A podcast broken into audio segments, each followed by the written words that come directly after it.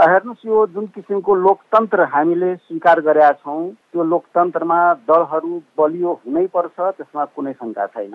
तर दुर्भाग्य के छ भने नेताहरू भन्नुहोस् अथवा पार्टी सञ्चालन गर्ने व्यक्तित्वहरू भन्नुहोस् उनीहरूको आपसी टक्राहटले गर्दाखेरि नेपालमा दलहरू फुट्ने गरेका छ जुन दल फुट्या छैन त्यो दलमा गुट र उपगुटहरू छँदैछन्। जति दल बलियो हो त्यति लोकतन्त्र बलियो त्यसै राम्रो सन्देश दिने गर्छ। यसको सकारात्मक प्रभाव समाजमा अर्थतन्त्रमा राजनीतिमा विभिन्न क्षेत्रमा पर्ने गरेका छ। यसको लागि दलहरूभित्र वास्तवमा सैद्धान्तिक धरातल बलियो हुनुपर्छ। मेरो विचारमा नम्बर वान। नम्बर टू जति पनि नेतादेखि लिएर कार्यकर्ताहरू छन् त्यो प्रशिक्षित हुनुपर्छ। अहिले प्रशिक्षणको अभाव हो ज्ञानको अभाव हो। त्यसैले गर्दाखेरि आपसमा स्वार्थीपन बढिआयो अलिकता तनासाहीपन बढिआयो आपसी टक्राहाट बढी भयो व्यक्तित्वको टक्राहाट बढी भयो त्यसले गर्दाखेरि दलहरूमा टुटफुट हुने क्रम जारी छ र यो यहीँ रुक्नेवाला छैन। अझ यो क्रम जारी रहनेछ। निरन्तर एउटा प्रक्रिया हो टुट्ने फुट्ने र जुट्ने।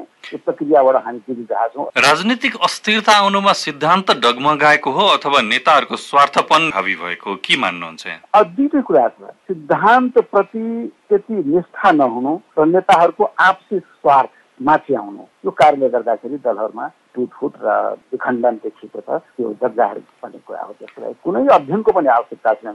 मेरो विचारमा त्यो सबैलाई आम जनलाई पनि थाहा छ। महन्त ठाकुरज्यूले नयाँ दल गठन गर्नुभएको छ। माधव कुमार नेपालज्यूले पनि नयाँ दल गठन गर्नुभएको छ। यी दलहरू राष्ट्रिय राजनीतिमा स्थायी भएर अगाडि बढ्ने सम्भावना छ। तत्काल हेर्दाखेरि आपसमा केही दलहरूको बिचमा मोर्चा गठन हुने सम्भावना म देखिरहेको छु। लङ रनमा भन्ने त गाह्रो छ। कुन दल कोसँग मिल्न सक्छ छुट्न सक्छ जुट्न सक्छ। यो नेपालमा निरन्तर देखेको छयालिस सालपछिकै प्रक्रिया हामीले अध्ययन गऱ्यौँ भने त्यो देखिएकै कुरा हो त्यसमा कुनै नयाँपन छैन।